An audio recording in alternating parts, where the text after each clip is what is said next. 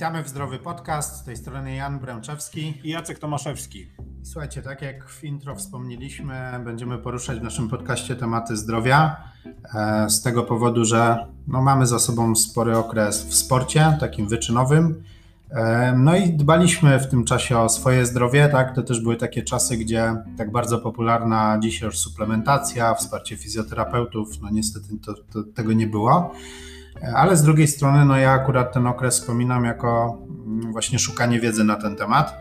E, więc może krótko, jakbyś Jacek powiedział, czym teraz się zajmujesz właśnie sportowo, e, kiedy zacząłeś i no i jak w ogóle do tego wszystkiego doszło, że, że zdecydowałeś się na podcast ostatecznie? Obecnie na mojej tapecie zamiłowania jest y, triatlon y, i odnośnie zdrowia to również i w kontekście sportu i zdrowia też nie było wszystko tak, że y, wszystko szło gładko i pięknie, bo też zostało popełnionych sporo błędów. Myślę, że nawet więcej niż, niż tych spraw, które doprowadziły do, do finalizacji pewnych zawodów, pewnych dystansów.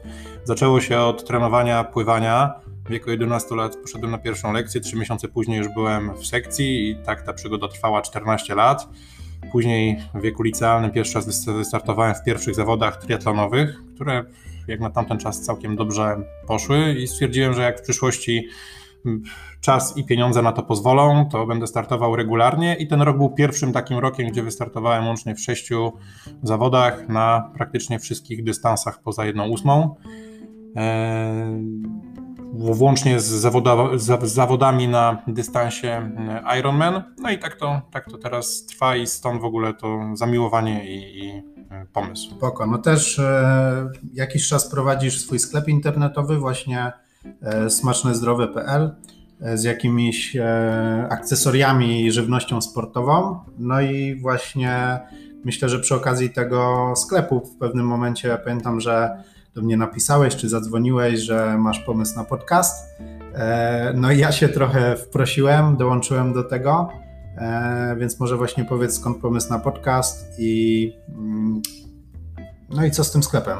Sam pomysł zrodził się stąd, że e, zaplanowałem sobie w celach na ten rok, żeby odpalić sklep internetowy i ten sklep internetowy był, miał być związany ze zdrową żywnością i jest.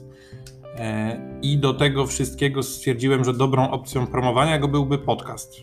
Koniec końców wyszło tak, że ten podcast niekoniecznie ma promować ten sklep, tylko ma być oddzielną, oddzielnym, fajnym projektem, który razem będziemy kontynuować, e, ale fajnie się to wszystko uzupełnia. I tak. stąd to tak powinno działać. No właśnie, e, Jacek do mnie napisał, zadzwonił i, i mówię, dobra, to zróbmy to razem. Ja od dwóch lat myślałem o tym, żeby e, nagrywać swój podcast. Co prawda, mm, no co prawda nie zrealizowałem tego, więc na pewno Jacek tutaj był takim zapalnikiem, żeby w końcu to zacząć robić. E, I w sumie co, no też ciekawe jest to, może dla niektórych będzie zaskoczenie, że robimy to razem, E, I myślę, że mało kto wie, skąd my się w ogóle znamy, jak my się poznaliśmy, e, ale pamiętam, że chyba mm, taki pierwszy okres, gdzie razem trochę więcej czasu spędziliśmy, to był obóz e, w OPR. W Sierakowie? Tak, w Sierakowie. Serdecznie pozdrawiamy uczestników. No właśnie, i chyba tam mieliśmy taką krótką rozmowę.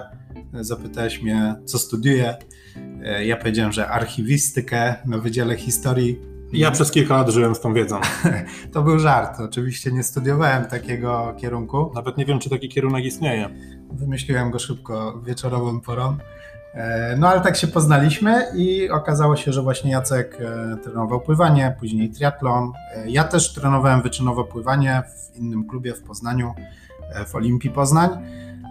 No i tak się nasze drogi zbiegły, a później wspólnie działaliśmy w biznesie. Mm, no i jakiś tam kontakt utrzymujemy, tak? Więc, więc to, to był właśnie pomysł i myślę, że super się składa, że ten podcast będzie e, takim miksem różnych informacji, różnych podejść. Myślę, że to będzie taki bardzo życiowy podcast, tak? Na temat właśnie zdrowia, na temat e, sportu, na temat odżywiania, zdrowych nawyków, zdrowia psychicznego, ale też e, będziemy mm, przeprowadzać wywiady z ludźmi, którzy odnieśli sukces, nie są celebrytami, nie są znani, e, no a jest to sukces często na, na miarę taką światowych wyników, więc tego, tego możecie obserwować nasz kanał, zasubskrybować go i na pewno e, wtedy jak najszybciej będziecie mieli powiadomienia o nowych odcinkach.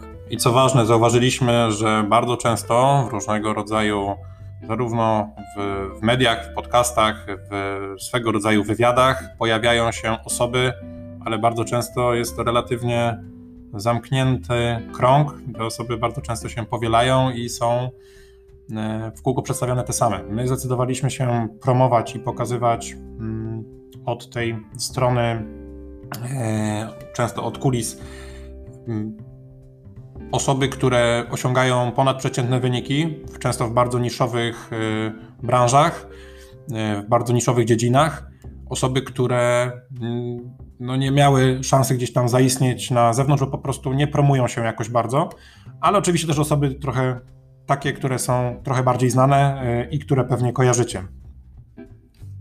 Dokładnie, także mm, czekajcie tutaj na, na kolejne odcinki. Myślę, że sporo sporo ich będzie, będzie sporo ciekawych informacji. E, ja może krótko powiem właśnie skąd u mnie mm, zrodziła się ta pasja do, do zdrowia i do sportu. Sport w sumie no, od początku był jakąś tam formą uzupełnienia e, czasu w grafiku. Już od dziecka zaczynałem trenować właśnie, no to trenowaniem może to ciężko nazwać, ale e, jakieś tam dodatkowe zajęcia z piłki nożnej mieliśmy w szkole i pamiętam, że to był taki pierwsza dla mnie styczność z bardziej profesjonalnym podejściem do sportu, e, w którym no, całkiem dobrze się sprawdzałem i pamiętam, że w podstawówce z innymi znajomymi, e, z którymi wtedy chodziłem do klasy, stworzyliśmy taką paczkę ludzi, którzy ciągle grali w piłkę i zaczęliśmy jeździć na zawody. Także też sukcesami w tamtym czasie było to, że zdobywaliśmy Mistrzostwo Poznania, później Mistrzostwo Polski, Szkół Społecznych w piłce nożnej.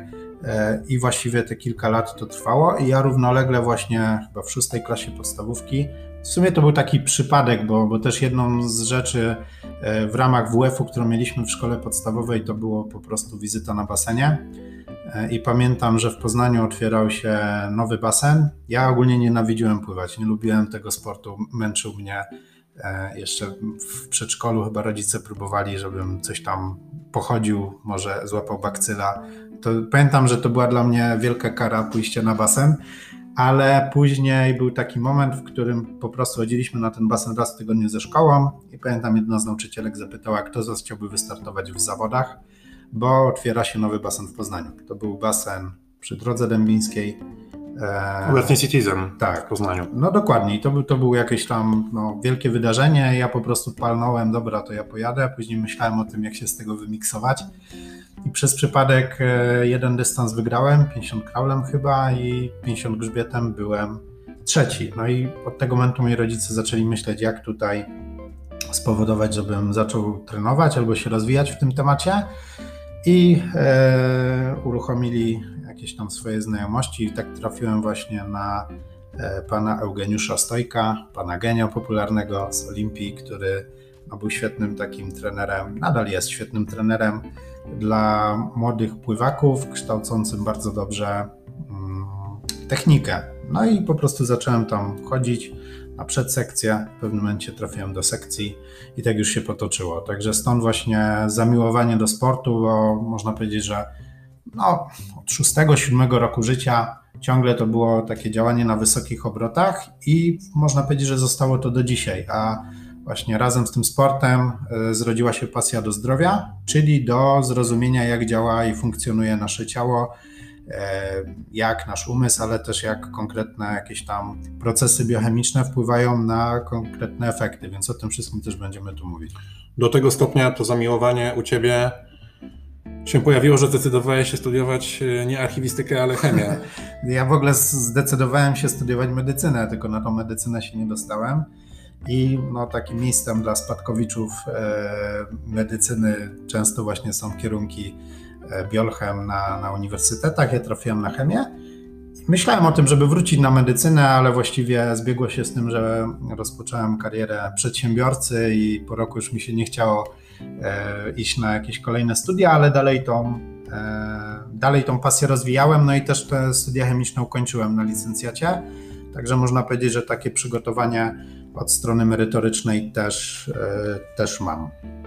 I myślę, że to przygotowanie związane z, z tymi zainteresowaniami medycznymi spowodowało inne zainteresowanie związane z psychologią, bo to jednak w biznesie, e, w wielu biznesach jest bardzo przydatne. W tym, którym my się zajmowaliśmy, było to też bardzo przydatne i bardzo fajnie rozwijało zarówno nas, jak i zespoły, które, tak. które były budowane. Czy myślę, że jeżeli chodzi o to zamiłowanie do psychologii, tutaj u mnie akurat e, to też korzenie prawdziwe są w sporcie, bo ja miałem taki moment, Mimo, że trenowałem, zacząłem trenować pływanie późno, to na szczęście znowu trafiłem na właściwą osobę, czyli trenera e, Mirosława Kostyka, który, no nie wiem, zauważył po prostu, że mam jakąś tam talent czy smykałkę do tego i mimo, że późno zacząłem, bo tak naprawdę w sekcji wylądowałem w wieku chyba 12 lat, czyli no już w takim momencie, gdzie większość pływaków przynajmniej od 6 lat regularnie chodzi na basen, tak? Od 6 Już w takim życia. wieku jak ja też mniej więcej, nie? to tam czwarta, piąta klasa podstawówki. No dokładnie, ja chyba piąta, szósta nawet i e, no i co? I pamiętam, że byłem takim underdogiem, e, osobą, która no nie miała prawa odnosić sukcesów, a zacząłem je odnosić. I pamiętam takie jedne zawody, przygotowaliśmy się do Mistrzostw Polski chyba 14-latków zimowych ja na treningu przez przypadek, pamiętam, spadły mi okularki, jak wylądowałem w wodzie. Na 50 metrów dowolnym e, wykręciłem czas, który był zaskakująco szybki. To było gdzieś tam na poziomie, pamiętam, chyba 20, 26 sekund z jakimś hakiem, już nie pamiętam dokładnie. Ale trener powiedział, że dobra, no to za dwa dni Mistrzostwa Polski jedziemy po medal, tak? E, I rzeczywiście ten czas e, dawał, porównując to później z, z tymi czasami na Mistrzostwach Polski, złoto. No ale zawody pływackie odbywają się w, w ten sposób, że rano są eliminacje, po południu są finały. E, no i ja pamiętam, że no nie wiem, tak mnie presja tego zżerała, że ja przez dwa dni nic nie jadłem, nie byłem w stanie nic przełknąć i na eliminacjach napływałem czas, który dawał siódme miejsce w finałach, czyli po prostu pierwsze miejsce w finale pocieszenia, w finale B, czyli już w tej stawce o medale nie, nie płynąłem, ale po południu już bez tej presji wykręciłem znowu czas w finale, który porównując go z czasami na podium, dawałby brąz. E, ja pamiętam, że od tego momentu. Finale B. W finale B, tak. Tylko w finale B no nie ma medali, okay. tak? Stawka jest tylko w, w finale A. E, I pamiętam, że od tego momentu mnie zaczął się taki problem, i to był problem, tak jak powiedziałem, no to, to nie, był, e, nie były czasy YouTube'a i w ogóle sprawdzania wszystkiego w internecie tylko no to były początki lat 2000, tak? 2002, 2003, wtedy miałem 12-13 lat. E, I mm, to był moment, w którym ja wiedziałem, że mam z tym problem, e, czyli mam problem z głową, mówiąc kolokwialnie, którego nie byłem w stanie rozwiązać i wiedziałem, że później nawet jeszcze ciężej trenując, w pewnym sensie wchodziłem w taki e, no, negatywną pętlę porażki, tak, że jeszcze ciężej trenowałem, jeszcze bardziej się spalałem na zawodach i tak dalej, i tak dalej. I właśnie u mnie stąd wzięło się zamiłowanie do psychologii, że w okresie studiów e, zacząłem no, trafiać na materiały, na, na różne książki z rozwoju osobistego, które otworzyły tą ścieżkę do takiego bardziej profesjonalnego treningu mentalnego, czy po prostu psychologii. E, I kończąc ten temat, bo myślę, że tu trochę się rozgadałem, ale może będą osoby, którym to też pomoże, jeżeli słuchają nas sportowcy wykorzystując tą wiedzę, którą już mam, tak, na temat wizualizacji, w jaki sposób, nie wiem, wykorzystać techniki relaksacyjne przed startem, albo po prostu jak znaleźć swoje mocne strony i je szlifować zamiast katować się, że coś mi nie idzie, no to wtedy właśnie i też samemu pod siebie dobierając trening, bo myślę, że to też jest ważne, czyli ja sam decydowałem, w jaki sposób trenuję na studiach w AZS-ie, zacząłem na nowo pływać życiówki mimo że trenowałem intensywnie do tam 18 roku życia, jeżdżąc na zawody, to zacząłem kręcić życiówki i też chyba najwięcej sukcesów w kraju. Właśnie wtedy drużynowo to zdobyliśmy e, Akademickie Mistrzostwo Polski w pływaniu, ścigając się już na zawodach z tymi olimpijczykami, takimi jak Paweł Korzeniowski czy inni. No także to było też coś. I to pamiętam, że dało mi pewność, że ta wiedza, e, ta tematyka związana właśnie z tym, jak działa nasz umysł, ma no, gigantyczny wpływ na nasze działania i też na nasze rezultaty, No i nie tylko w sporcie, ale też poza nim. To mega ciekawe, bo ja mam właściwie podobne doświadczenie. Pamiętam Mistrzostwa Polski w Skierniewicach, wtedy 16-latków. I pamiętam, że zawsze byłem e, wysokiej klasy specjalistą od nakładania na siebie wysokiej presji. Bardzo wysokie oczekiwania miałem wobec siebie, no bo skoro człowiek trenuje rok do całych, do, cały rok do zawodów, to też oczekuje, że będą super wyniki. Mało tego, oczekuje, że będą lepsze niż czasy treningowe najlepsze, które robił. Tak? Też tak miałeś? No tak, tak. No, zna, znajomy temat i pamiętam, że że nałożyłem na siebie jak zwykle jakąś tam kosmiczną presję, po czym było oczywiście niezadowolenie, demotywacja duża do, do, do pływania, mimo że tam czasy były takie, że no, do finału B pamiętam, że na tych najkrótszych dystansach się nie dostałem, ale nie było jakoś super do nich, do nich, do nich daleko, to był gdzieś tam środek, środek stawki. E, natomiast pamiętam e, wyścig na 200 motylkowym, kto pływał, trenował pływanie, to wie co to znaczy 200 motylkowy E, i trenera, który wspomina o tym, żeby w, na trzeciej pięćdziesiątce przyspieszyć, gdzie na trzeciej pięćdziesiątce może być koniec, skończy się można ten, tak. ten, ten, ten dystans, jeżeli się nie ma tam odpowiednich doświadczeń. I pamiętam dwa wnioski takie psychologiczne miałem e, wtedy, e, ogólnie z całego pływania. Że pierwszy był taki, że spotkałem bardzo fajną panią sędzię, która w jedną sekundę rozładowała stres nie pamiętam, co wtedy powiedziała. Pamiętam, że była bardzo ładna i.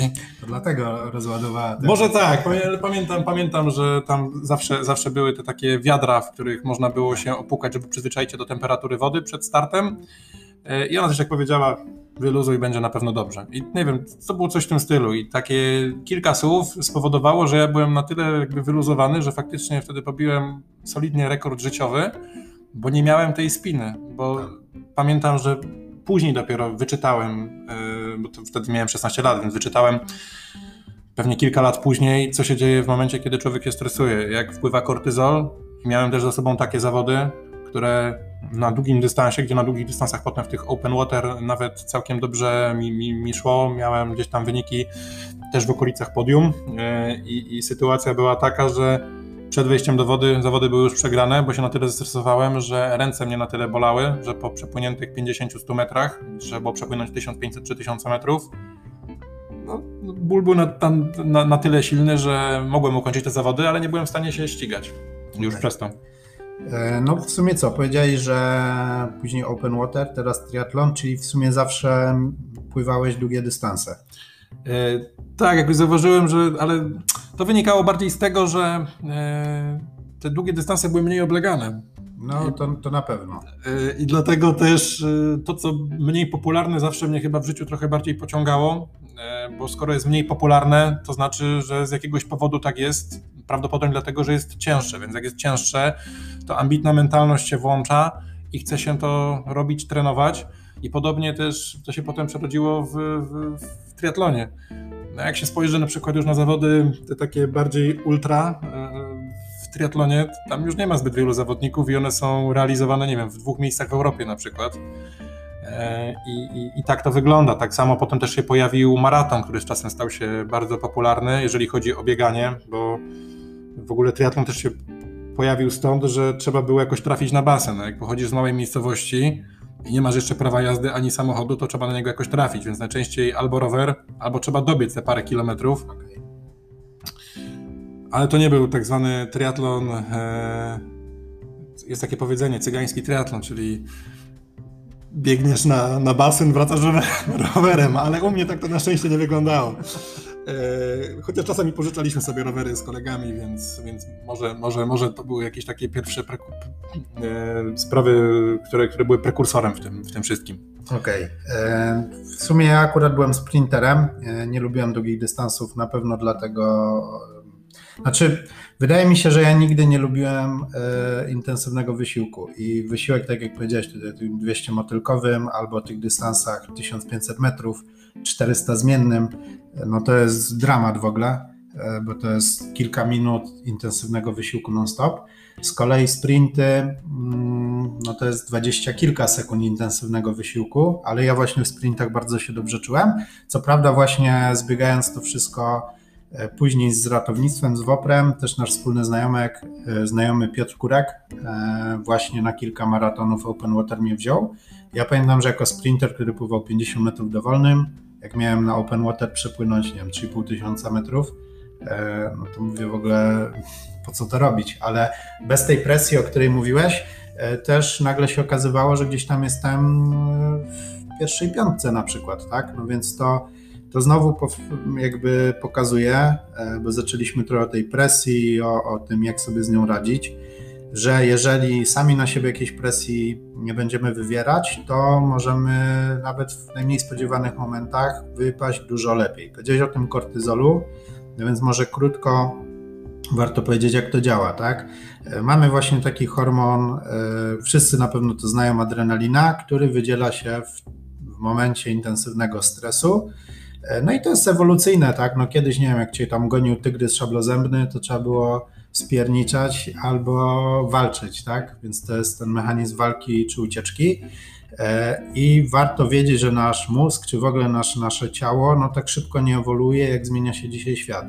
I teraz e, powstał ten pomysł na podcast, żeby trochę właśnie podzielić się tą wiedzą z ludźmi, którzy są zamknięci w domach. To też jest zmiana praktycznie z dnia na dzień. Niektórzy nie są w stanie e, dalej trenować nawet rekreacyjnie jakiegoś sportu. No i to też wy, wyzwala stres, tak? No i później e, ten stres można rozładowywać właśnie poprzez wysiłek fizyczny, ale jak nawet nie da się jakoś fizycznie go rozładować, no to jest fala e, na pewno jakichś tam chorób psychicznych typu depresja czy, czy tego typu rzeczy, więc może a propos tego kortyzolu, są proste metody, jak obniżyć kortyzol, czyli właśnie ten hormon stresu, który wyzwala się w momencie, kiedy my odbieramy jakiś bodziec jako mechanizm walki lub ucieczki, czyli po prostu stresujesz się czymś, a nie musisz, tak? Bo nie jest to tygrys szablozemny, który cię zje. Na przykład dobry wynik na zawodach, no to jest tylko jakaś twoja wewnętrzna wyobraźnia, co ci może to dać, tak? To, że nie wiem, ktoś cię może zwolnić z pracy albo zaraz firmę twoją zamkną ze względu na kryzys, to też się nie dzieje, tylko to jest gdzieś tam w, w sferze wyobraźni, tak? No więc jak sobie z tym radzić? E, nie wiem, czy masz Jacek jakieś takie metody poza piękną panią z zimnym wiadrem, e, to, która cię uspokaja, czy, czy masz jeszcze jakieś metody na radzenie sobie ze stresem i właśnie z obniżaniem tego poziomu kortyzolu? To był taki klasyczny przykład, y, chyba naj, najprostszy, pomyśleć o czymś miłym. Wtedy akurat się coś miłego akurat wydarzyło, ale mi się wydaje, że chodzi o to, żeby przedefiniować sobie pewne, pewne sprawy. Y, I czasami się dzieją takie rzeczy w życiu, a czasami można to zrobić sobie tam jakoś świadomie. Ja pamiętam, że to się łączy jakby z tym ratownictwem, które razem zaczęliśmy wtedy uprawiać. Y, że kilka sytuacji w życiu miałem kiedyś taką, taką jakąś tendencję do tego, że minimum raz w roku uczestniczyłem jako ratownik przechodzień w jakimś wypadku. I po pierwszej takiej sytuacji, gdzie chodziło o zagrożenie zdrowia i życia jednej osoby i, wyciągnięcie tego poszkodowanego, e, stwierdziłem, że nic w życiu już nie może mnie więcej zestresować e, niż to, e, kiedy, kiedy chodzi o zagrożenie zdrowia lub życia. Że to jest jedyna sytuacja, która, która tak na dobrą sprawę może cię zestresować. Nie, niekoniecznie praca, Niekoniecznie może zawsze finanse, chociaż może łatwo o tym powiedzieć, ale jak sobie pomyślimy o tym, że bez y, zdrowia i, i, i w, pełni, w, pełni, w pełni zdrowia nie można e, e, nic z tego zrobić, czym się stresujemy, to z automatu ten, ten stres schodzi. Dlatego ja mam takie podejście, że gdzieś tam nawet na rozmowach rekrutacyjnych, jak byłem pytany, jak sobie radzę ze stresem, to mówiłem po prostu o tym, o tym podejściu, skąd ono się, skąd ono się wyzwoliło. E, I to było, i to było właśnie to, włącznie z sytuacją, gdzie, gdzie faktycznie, no, no, pamiętam historię, kiedy, kiedy, kiedy w pociągu odjeżdżającym jedna osoba była nieprzytomna i nie miała objawów życia i z, razem z kolegą, którego wtedy spotkałem, akurat razem uczestniczyliśmy w tej akcji. I jak się coś takiego przeżyje, to myślę, że ciężko, żeby potem się stresować jakimiś tam innymi prostymi, prostszymi rzeczami. Okej, okay. no, e, czyli jakieś takie przeżycia graniczne, no myślę, że zawsze to e, wyzwala jakieś tam nowe sposoby myślenia. E, no a może masz jakieś metody dla ludzi, którzy tak doświadczeni jeszcze nie są? E, masz jakieś takie, czy, czy po prostu już jesteś tak spokojnym, medytującym mnichem, że, że, że nic ciebie z równowagi nie wyprowadza? Nie, ja myślę, że ja nie za bardzo stosowałem e, w swoim życiu metody związane z samodzielnym dokonywaniem takich rzeczy. Ja myślę, że to jest w moim przypadku rozmowa e, gdzieś tam szczera z kimś, z kimś znajomym, z, z przyjacielem. E, ja myślę, że przytulanie jest tutaj też bardzo, bardzo dobre, także jeżeli jest ktoś bliski, to, to, to warto. Żona, dziewczyna. Przechodzień. A, je, a jeżeli nie, a nawet przechodzień są ci ludzie, co chodzą hagmi. Jak ktoś lubi, to czemu nie? E, I myślę, że to są takie właśnie jakieś e, sprawy związane z socjalnością, przynajmniej w moim przypadku. Okej. Okay. No w sumie nawet od strony takiej chemicznej, tak?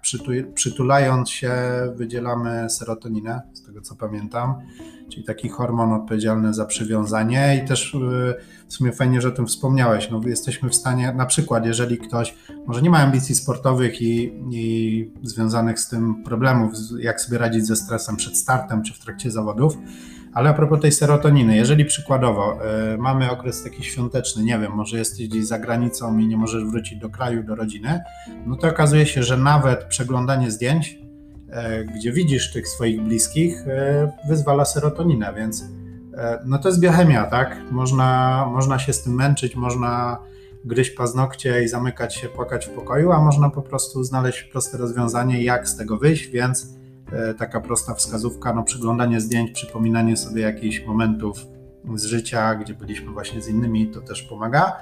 Ja myślę, że u mnie naj, takim najprostszym sposobem na radzenie sobie ze stresem jest po prostu oddech praca z oddechem. Myślę, że jeden z gości, którego tutaj zaprosimy, powie o tym więcej. E, ale no to jest taka najprostsza sprawa, tak? Jeżeli mamy dotleniony organizm, bo też w momencie, kiedy się stresujemy, no to jakby się zamykamy, tak? Bardziej się kulimy i nie oddychamy mm, pełną objętością płuc.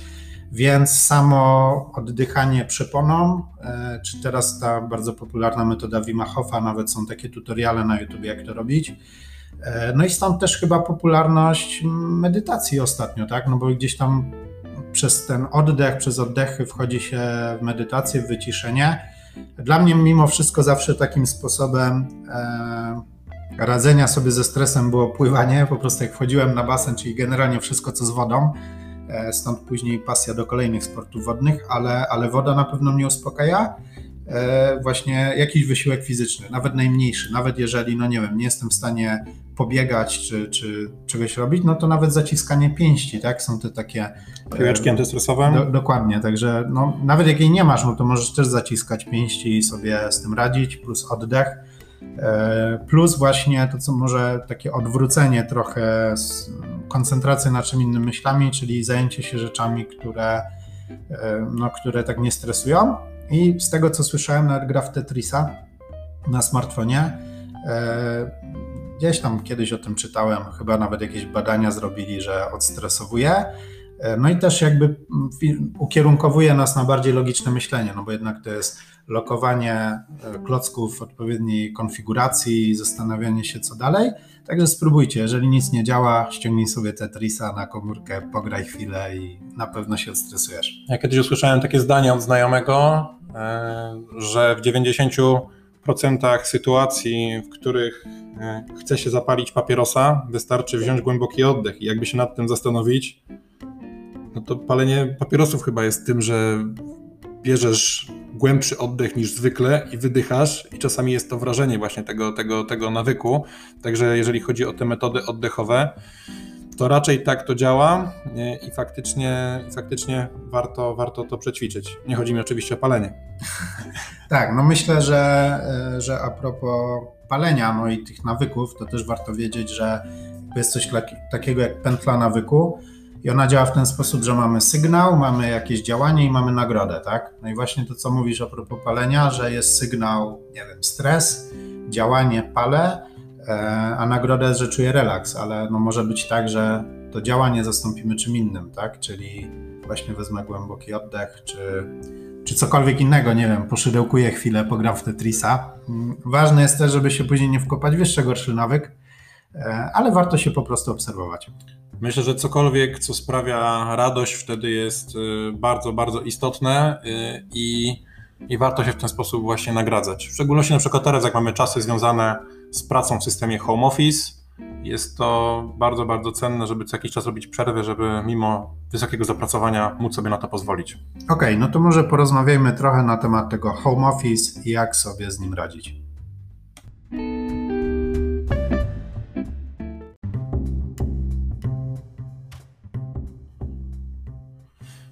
Jeśli chodzi o e, sprawy związane z pracą zdalną, home office'em, to no teraz myślę, że wielu z nas ma sporo doświadczeń związanego z tym, bo jak ja sobie we wtorek uświadomiłem, że za chwilę minie rok, odkąd pracujemy w tym systemie i że od roku nie byłem w biurze, to aż się zdziwiłem.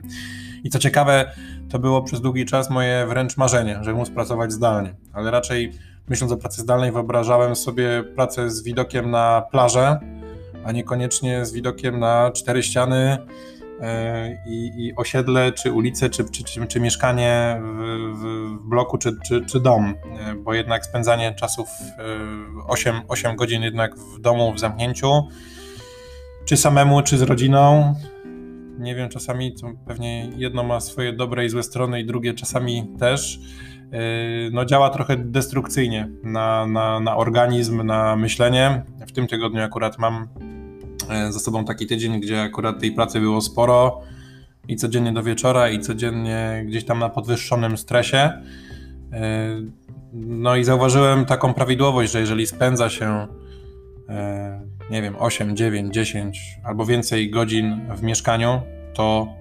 ciężej wyjść na zewnątrz i przekroczenie samoprogu po prostu no, nie chce się, jest jakaś, taka, jest jakaś taka bariera. Jak już się to zrobi, to jest już super. Ja akurat w tym tygodniu miałem takie doświadczenie, że tydzień wcześniej e, zdecydowałem się podjąć takie wyzwanie, żeby przebiec 100 km w tydzień i codziennie biegałem tam po te 14, 15 lub więcej kilometrów. E, I w tym tygodniu jakoś tak zdecydowałem się na taki odpoczynek, więc nie miałem takiego parcia, nie miałem takiego celu. No więc automatycznie już nie było w tym takiej radości. Więc jak y, akurat wczoraj wyszedłem e, wieczorem poruszać się trochę, zupełnie inne spędzenie czasu no i myślę, że, że jest to kluczem tutaj, tutaj ten ruch i jednak zmuszenie się do, do, do, do czegokolwiek, bo spędzanie czasu cały dzień, a, no, a wiemy doskonale jak jest, no, czasami spędza się cały ten dzień w dresie, w szlafroku, jakkolwiek, bo włączenie komputera o godzinie, nie wiem, 8 rano powoduje to, że możemy sobie wstać o 7.50, odpalić go i zacząć pracę. E, nie mam motywacji do tego, żeby wyjść, dojechać i działa to w totalnie inny sposób. Okej, okay, czyli co? No, trzeba na pewno mm, w tym okresie, kiedy w teorii nie musimy, ale działa to destrukcyjnie, tak jak powiedziałeś, trochę bardziej zwrócić uwagę na swoje nawyki. Ale no co, też wiem, że wiele osób ma problemy z nauczaniem, nauczaniem zdalnym, tak? Przecież to nie tylko jakby praca, ale też dzieciaki. E, sam znam osoby, które po prostu, e, które no co, idą do szkoły na nauczanie zdalne, więc to w ogóle dramat, jeszcze nie znają siedzenia w ławkach. I właśnie takie przemyślenie miałem, no, że po pierwsze, y, warto by było zastanowić się nad tym, aby ci młodzi ludzie chcieli się uczyć z komputera, bo nie chcą, mogą sobie odejść od niego, pójść się pobawić y, w ulubione zabawki w domu, albo właśnie no, włączyć jako taki nawyk y, całej rodziny przerywnik w postaci odchodzenia od komputera, wyjścia na dwór i po prostu ruchu, tak, aktywności fizycznej. Bo tak jak mówisz, jak biegasz 100 e, km w tydzień, no to czujesz się inaczej niż jak tego nie robisz i, i gnijesz w domu, tak, mówiąc brzydko. No, to się składa z dwóch czynników. Czynnik numer jeden jest taki, że e, chcesz wyjść, bo czeka przed tobą zrobienie tego i wiesz, że czynnik drugi jest taki, że nie będzie, że masz świadomość tego, że będziesz się źle czuł z tym, jeżeli tego nie zrobisz do końca. I dlatego to było takie wyzwanie, gdzie ja codziennie przeliczałem sobie, ile jeszcze brakuje do tego celu i wiedziałem, że jeżeli sobie odpuszczę 3 km w środę, to będę to musiał nadrobić w sobotę. Koniec końców u mnie finał był taki, że ja w sobotę musiałem 28 km przebiec. No oczywiście, że zrobiłem to po mieście jakoś nie jest to super jakoś najprzyjemniejsze, bo i chodniki, i twarda nawierzchnia, no ale było ważniejsze wtedy to, żeby to dokończyć, mimo że pora ciemna i naprawdę to jest zupełnie inna historia niż latem, kiedy, kiedy ptaszki ćwierkają, jest ciepło, dzień trwa do 21 i jest to przyjemne. No w momencie, kiedy słońce wstaje o godzinie 7.30, tak. zachodzi o 15.50, e, to jednak y, jak się pracuje, to ciężko wyjść w takiej porze, żeby był i dzień, jasno, i jeszcze jakaś temperatura. Z reguły to jest y, temperatury około zera, zawsze ciemno, często smog w mieście, także ta motywacja gdzieś tam też jest tutaj wyzwaniem. No i warto wiedzieć a propos właśnie nawyków, bo powiedziałeś, że tym takim e, momentem kluczowym jest e, przejście przez próg domu, że jak już wyjdziesz, to, to jest łatwiej. Wyjście nawet do sklepu to już powoduje jakiś e, pozytywny wynik. No więc niektórzy nie mogą się zabrać nawet z wyjściem, więc tutaj taka wskazówka dla tych osób. No warto rozbić sobie taki nawyk czy ten proces na najmniejsze czynniki i okazuje się, że my działamy ten, trochę jak wjeżdżamy na autostradę, przejeżdżamy przez bramki, i wtedy już nie możemy zjechać, tak? Powiedziałeś, że takim e, wjazdem na autostradę u ciebie jest przejście przez próg domu. Myślę, że jest nawet jeszcze wcześniejszy czynnik związany z tym, że wystarczy założyć buty. Dokładnie. I pamiętam, że czytałem taką książkę o jednym z najlepszych sprzedawców e, nieruchomości w, w Nowym Jorku, który powiedział, że u niego pobudka wygląda w ten sposób, że zawsze przy jego łóżku czekają e, buty już ze skarpetkami włożonymi bo wtedy wie, że musi je założyć i jak założy, to już nie ma odwrotu. I tylko ta jedna czynność powoduje, że już jest druga. Jak jest druga, to jest trzecia. I to są te punkty zapalne, które tak działają. Tak, dokładnie. No także warto sobie ustawić jakiś taki e, punkt zapalny, który spowoduje, że wyjdziemy z domu, czy w postaci tych butów, czy też ciuchów sportowych. Jeżeli tylko ubierzesz się e, w coś na sportowo, e, co jest dedykowane do wyjścia na dwór, do biegania czy, czy do treningu, no to już będzie to łatwiejsze. Zdecydowanie tak i no ja to właśnie mm, polecam i sam tak robię. Pamiętam też, że w książce Fenomen Poranka też był ten temat poruszony, y, związany właśnie z tym pierwszym, pierwszym działaniem, które, które powoduje mm, chęć, chęć ruchu. I zaskoczyło mnie właśnie to, że słyszałem w, w, w ostatnich tygodniach, że kiedy spadł śnieg, to w pracy, jeżeli sobie można to pozwolić i możesz się porzucać śnieżkami z dziećmi, warto sobie zrobić te pół godziny, powiedzieć przełożonemu, słuchaj, no y, spada akurat śnieg, albo chcę wyjść na chwilkę na spacer e, z dziećmi, nie wiem, czy, czy, czy samemu, jeżeli masz taką możliwość, to naprawdę to zmienia i jest się wtedy efektywniejszym w pracy, jest, sprawia to większą przyjemność Ważne, żeby nie zamieniać po prostu tego, tej pracy w męczarnię, bo wynik też będzie wtedy umęczony. Tak, no ja akurat robię tak, że staram się nie pracować w domu, e, mimo że dla mnie nie było różnicy, czy pracujemy zdalnie, czy nie, bo i tak od dłuższego czasu e, no, pracowałem jak taki freelancer, czyli sam decydowałem o tym, jak, jak to można zrobić. E, ale właśnie też taka ważna rzecz. No mamy pewne jakieś takie nawyki, o których powiedzieliśmy przywary, ale też e, nawykowo podchodzimy do miejsc, czyli dom często jest miejscem odpoczynku, właśnie spotkania z rodziną, a nie pracy, nie nauki. E, I no ja akurat się tego trzymam, tak? Staram się jak najmniej pracować z domu czy w domu. Jak najwięcej rzeczy staram się robić na dworze. E, czy po prostu, no jak mamy zimę, no to często w aucie. Ale Czyli taką, dobrze mieć ogród. No byłoby idealnie, ja, ja akurat nie mam, las mamy obok, e, ale no na przykład taka prosta rzecz, która może umilić Wam życie, nie rozmawiam przez telefon w domu.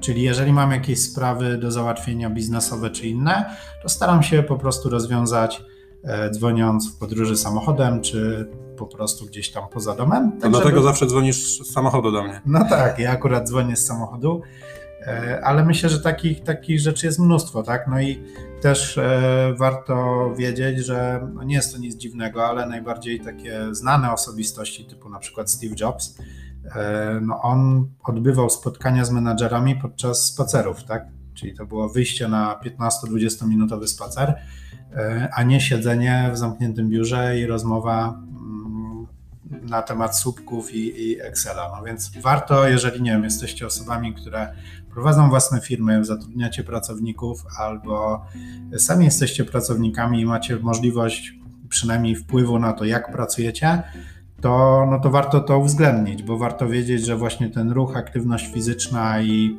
takie zdrowe podejście do życia powoduje, że jesteśmy bardziej efektywni. Ale to w sumie dzięki temu, o czym mówimy, właśnie zdałem sobie sprawę z tego, dlaczego wiele osób, które coś nagrywa, jakieś treści, youtuberów, nagrywa tak często z samochodu. Bo po prostu wychodzą może, żeby mieć czasami święty spokój. To jest ten sam mechanizm, który czasami niektórzy stosują w pracy, jak nie chcą czasu spędzać z rodziną albo rodzina ich męczy, to siedzą do późnych godzin w biurze. Dokładnie. Także warto, warto po prostu coś takiego zrobić. Jeżeli chodzi o ten home office, ja w sumie ostatnio też zacząłem korzystać z okularów blokujących światło niebieskie. Powiedziałeś, że sam chcę sobie je kupić od dłuższego czasu i chyba zrobię to dzisiaj. No tak. E, dobra informacja jest taka, że jeżeli mamy ciemno, tak, bo tutaj też znowu to nie jest jakaś magia, tylko zrozumienie, jak to wpływa na nasze ciało. Wszystkie e, ekrany, smartfon, komputer, telewizor emitują światło niebieskie, promieniowanie niebieskie, które hamuje wydzielanie melatoniny. Ok, czyli no, to jest naturalny hormon, który się jakby uruchamia u nas po zmierzchu i przygotowuje nas do spania. Światło LEDowe też na to wpływa i oczywiście patrzenie w telefon, co chyba zdarza się każdemu albo prawie każdemu do późnych godzin nocnych. Memów o tym też sporo widziałem w ostatnim czasie. Memy oglądasz wieczorami na ten temat. No właśnie, właśnie był taki, taki, taki mem, który, który przedstawiał y, to, jak wygląda chęć po, po, położenia się spać o godzinie 22, jak to wygląda o drugiej w nocy i ja śmiejący się z tego czwartej rano w łóżku. Tak no, to wygląda. E, więc co można zrobić? No, mając takie okulary, po prostu hamujemy to promieniowanie blue light i dzięki temu, nawet jeżeli masz coś do zrobienia i pracujesz, bo, bo jest to ważne do późna albo po ciemku, e, no to nie czujesz się rozbity. A jeszcze jeden nawyk, który no myślę może się przydać wszystkim, to jest wywalenie wszystkich elektronicznych urządzeń z sypialni, czyli znowu a propos tych miejsc w domu, tak? Masz miejsce do spania, masz miejsce do jedzenia, masz miejsce do gotowania, masz miejsce do zabawy, no to nie jest sypialnia miejscem do pracy, tak? Na przykład, więc możesz po prostu zostawić wszystkie swoje urządzenia typu smartfon, komputer, e, czy nawet wywalić telewizor, jeżeli jeszcze go masz w sypialni poza i e, Znowu, żeby nie kusiło, mówiliśmy o tych nawykach, o tym pierwszym zapalniku. E, jeżeli coś schowasz do szafy, to trudniej to wyjąć niż jak leży na blacie. E, I to też jest taka prosta metoda, możecie sprawdzić to z odkurzaczem. Jeżeli nie schowacie odkurzacza, to częściej będziecie odkurzać niż jak go trzeba wydobywać z jakichś zakamarków. E, I tak samo jest z telefonem, po prostu nie chce nam się znowu iść do tej samej szuflady i szukać tam gdzieś w innych klamotach, gdzie jest nasz smartfon, więc prosta metoda. Jeżeli chcesz to home office, żeby było najmniej uciążliwe. Pracuj wtedy, kiedy chcesz pracować i możesz pracować. Korzystaj właśnie z takich e, okularów, które blokują światło niebieskie. E, ewentualnie, jeżeli chcesz, to schowaj swoje urządzenia, e, tak żeby nie przeszkadzały ci w spaniu i odpoczynku. Sporo osób, wielu z nas mieszka w mieszkaniach typu kawalerka czy mieszkanie studenckie, gdzie dzieli się pokoje i pytanie, co wtedy? Ja myślę, że warto sobie wydzielić takie strefy, właśnie jeżeli mieszkanie jest małe, strefę relaksu, odpoczynku, e, do jedzenia, do, do jakiejś tam rozrywki, do pracy. E, warto, warto sobie to w ten sposób podzielić. Myślę, że jest sporo poradników w internecie, które na ten temat mówią. Sam staram się tak robić. No i jeszcze bardzo ważna sprawa związana z, z ruchem. Ja myślę, że jak był to był ten pierwszy lockdown. E, to były, to były miesiące marzec, kwiecień w tym roku i chyba też trochę maja nawet. To wyglądało to w ten sposób, że było wiele poradników o tym, jak ćwiczyć w domu. U mnie w mieszkaniu pojawił się rower spinningowy e, i kiedyś wyczytałem e, taką, taką ciekawostkę, że znany motywator Brian Tracy zrobił takie coś, że postawił rower spinningowy czy bieżnie przed telewizorem, więc jak ktoś chce obejrzeć telewizor, to musi ćwiczyć. Jest to dobra strategia, w szczególności w dobie Netflixa, gdzie te spędzone godziny na, na wciągającym serialu mogą przy okazji być spędzone w ruchu. I fajne jest to, że jeżeli możesz tak y, zrobić, to y, i masz taką podzielność uwagi, to koncentrujesz się wtedy na tym serialu, a jednocześnie ćwiczysz. Nie czujesz tego, tego momentu ćwiczenia, przy okazji spalasz kalorie, więc możesz więcej zjeść. Jak się siedzi cały czas w mieszkaniu, to chce się jeść. Ja sobie zrobiłem taką, sam mam taką kartkę przy lodówce, że nie jesteś głodny, tylko ci się po prostu nudzi. Jakoś to pomogło. Przez jakiś czas nawet miałem e, wagę przy lodówce, ale jak podczas intensywnych e, przygotowań do triatlonu zacząłem ostro gubić tę wagę, to, to, to stwierdziłem, że ta waga może wrócić do łazienki. Także tak to wygląda. Okej. Okay. No ja akurat y, mimo wszystko staram się robić jakieś rzeczy poza domem. E, no i może właśnie warto potestować, tak? Tak jak powiedziałeś, jak ćwiczyć w domu. Niektórzy już nie chcą siedzieć w domu, e, więc wyjdź z domu, tak? Na przykład, no nie wiem, zwykły spacer to też jest taka metoda. Myślę, że o tym będzie osobny podcast, e, jak zacząć triatlon, ale jak zacząć biegać, po prostu zacznij chodzić, tak? Wychodzić na spacer, czy, czy cokolwiek takiego, no i tak dalej, i tak dalej, więc sprawdź, testuj, mm, postaraj się zrobić rzeczy poza domem. No i właśnie super rozwiązaniem jest to łączenie czynności. Tak? Ja często też, jak idę na spacer, nie wiem, idę sam albo, e, albo z dzieckiem, które śpi w wózku i mam możliwość porozmawiania przez telefon, no to wtedy też sobie e, rozmawiam. No, tam w szczególności właśnie, y, jeżeli dobrze kojarzę Twoją okolicę, to właśnie miałem tam w tym lesie, o którym mówisz, y, jeden ze sprintów rowerowych w zeszłym roku, jak się okazało, że wjechałem na, poligon, na poligon wojskowy, na którym były ćwiczenia i słyszałem strzały jakichś strzałów. To był najszybszy powrót y, z zawróconą drogą, jaki, jaki tylko mógł być. Także warto też zwracać y, uwagę na miejsca, gdzie się wchodzi, jak się wychodzi na ten spacer albo na przejażdżkę rowerową. Tak, no tam często strzelają ostrą amunicją, także tym bardziej cieszę się, że, że siedzimy jeszcze przy jednym stole. E, Obaj. Tak, dokładnie. No także co, podsumowując, myślę, że e, warto zadbać o to zdrowie na home office, warto zadbać o, o siebie, e, wykorzystując takie proste mechanizmy, proste nawyki, o których wspomnieliśmy tutaj. No i tyle. Także w kolejnych odcinkach myślę, że przedstawimy Wam już pierwszych gości. I będą to goście na pewno, którzy przedstawią też i swoje strategie, ale co najważniejsze, podzielą się e, tym, co sami zrobili ze swoich doświadczeń. Także nie będą to żadne e, historie, które, które są z poradników, tylko to będą osoby, które same czegoś dokonały i podzielą się swoimi doświadczeniami i swoimi patentami na wiele spraw. Super. Także zapraszamy na kolejny odcinek Zdrowy Podcast. Do zobaczenia. Dzięki bardzo, pozdrawiamy, do zobaczenia.